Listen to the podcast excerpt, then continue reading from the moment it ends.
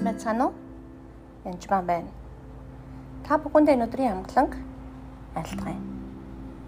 За надад би подкастаар юу сонсохыг хүсэж байна вэ гэсэн асуултанд хэдийдэн асуулт байгааг ихэнх нь ууртай холбоотой байсан. Тэгээд би одоо яаж ураа барьдаг болох вэ? Эсвэл одоо ээжтэй ууртаа ч маавчтай ууртаа эсвэл аав ээж минь хүндий вэ? Би эсвэл нөхөртөө уурлаад ах юм гэдэл жоохон юм уурлаад дэмжиглээд байна ч гэдэг юм уу гурван хүнээс юм өөр өөр асуултууд ирсэн байгаа. Тэгэхээр энэ энд хариулах гэж би зорьё. Тэгэхээр эхний ээлжинд бол оо би одоо уургүй хэмжээнийг сонсохгүй ч юм уу тэгж бодож болохгүй. Магадгүй бас тийм ураа барьж чадахгүй байгаа хүмүүс та туслах ч юм уу гэр орны чинь хин нэгэн ууртай бол бас хэрэг болж магадгүй юм гэж бодоод энэ зөвлөгөөг өгч байна. Энэ хүмүүс надад уурын сүнс байна уу гэж асуусан байсан. Тэгэхээр уурын сүнс байгаа бол уурын сүнс зайлгал хөөчгөн. Гэтэ уурын сүнс гэхээс илүү ууртаа сүнс үйдэг. Уур уур бол өөрөө сүнс биш байхгүй юу? Ууртаа сүнс дотор ч байж болох юм. А тэрнийг эс тооцох юм бол хүн уурлаж болно. Тэгээ бурхан уурлавч бүү нүгэлвэлтэй гэж хэлсэн маа. Тэгэхээр уурлавч хин нэг рүү архираад амаараа янз бүрийн хүнд оромжлоод ч юм уу янз бүрийн буруу үйлдэл гаргаж болохгүй гэсэн үг. Тэгэхээр харанхуйг хизээч харанхуйгаар дийлэхгүй. Ямар муухай харанхуй вэ гэхийн оронд зүгээр гэрэл гаргах хэрэгтэй гэсэн үг.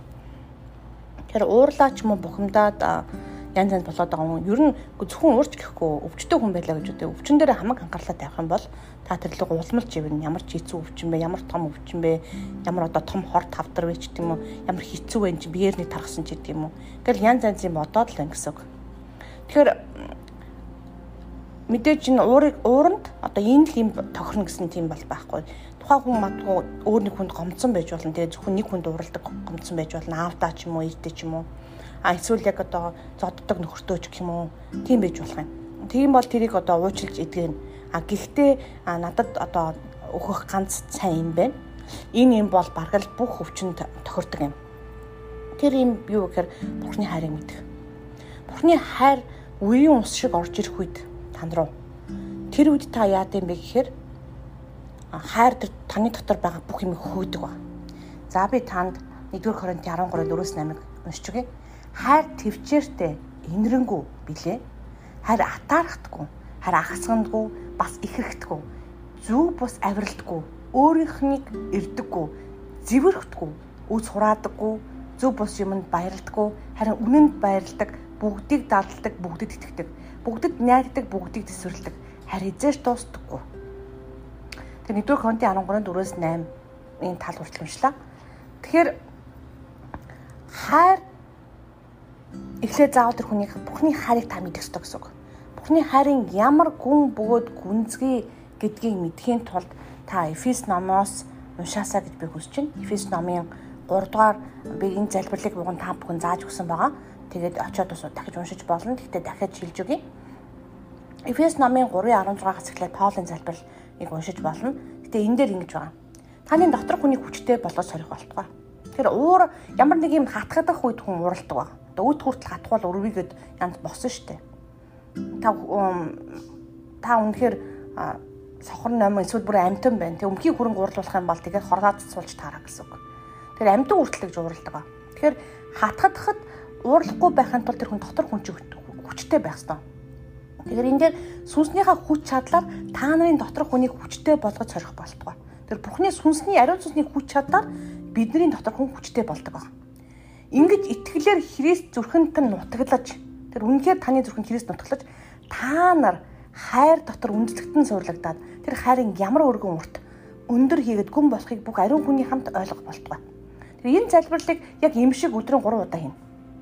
Өглөөдрөөр сайхан 50 амьсгал аваад ариун сүзээ гэж хагаад хэлнэ.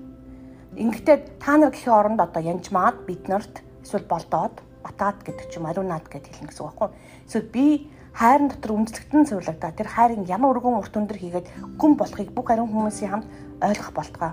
Бидлэгийг давдаг Христийн хайрыг мэдсээр бид нар Бурхны бүх дүүрлэр бялхах болтугай эдгээ дотор минь ажилдаг хүчний дагуу гуйх буюу бодох бүхнээс минь илүү хэмжээшгүй болохоор үлдэх чадвартай түнд алдар нь чуулган дотор бүх үеийн ханд Христ Иесус дотор үеийн үеинд байх болтугай. Амен гэд. Тэгээ энэ залбирлыг Полын залбирлыг та яг л хэмшиг гурав удаа юм. Тэр хайрын гүн гүнзгий агууг мэдсийн дараа яг Галаат номоор үр жимсэлдэг ба. Тэгээ Галаад номын 5:22 дээр байдаг үр жимсийг мэднэ л дээ. Хариу хариун сүнсийн үр жимс нь хайр, баяр баясгалан, амар тайван, төвчээр энэр сайн сэтгэл, итгэл, итгэмж дүлгөөн зан өөрийгөө захарахгүй юм гэж. Тэгэхээр би та уураа дарахын тулд яаж ямар нэгэн одоо богино хугацааны газ хурдан алхам авах вэ гэж бодхоос илүү удаан хугацааны шийдэл би санал болгож байна гэсэн үг. Тэгэхээр ариун сүнсний үр жимсээс ийм ариун сүнсийг тарьчихаар ариун сүнсийг хүлээгээд авчихаар энэ яг мод ургаж байгаатай адилхан нүүр жим сургадаг ба. Тэгээ эхлээд хайрыг Бурхны хайрыг таны дээр гим нүглийг угаасан, цэвэрлсэн, залхмаа дээр цовдлсон тэр хайрыг ойлгох юм бол мэдснээрээ та энэ бүхнийг хийдэг ба. Тэр хайрыг мэдсэний дараа амар амгалан ирдэг ба. Тэгээ хайр ирэхүүд зөвхөн танаас ирдэг хайр биш. Энэ Бурханаас ирдэг хайр бөгөөд үерийн ус шиг танд орчдөг. Тэр хайрыг мэддэг үед юу болдог талаар би дараагийн подкастаар хэлж өгье. Тэгээд яг энэ ишлүүдийг сайн уншаараа яг бүр медитейт хийгээд бясалгал хийгээд уншаараа энэ бол маш чухал байгаа.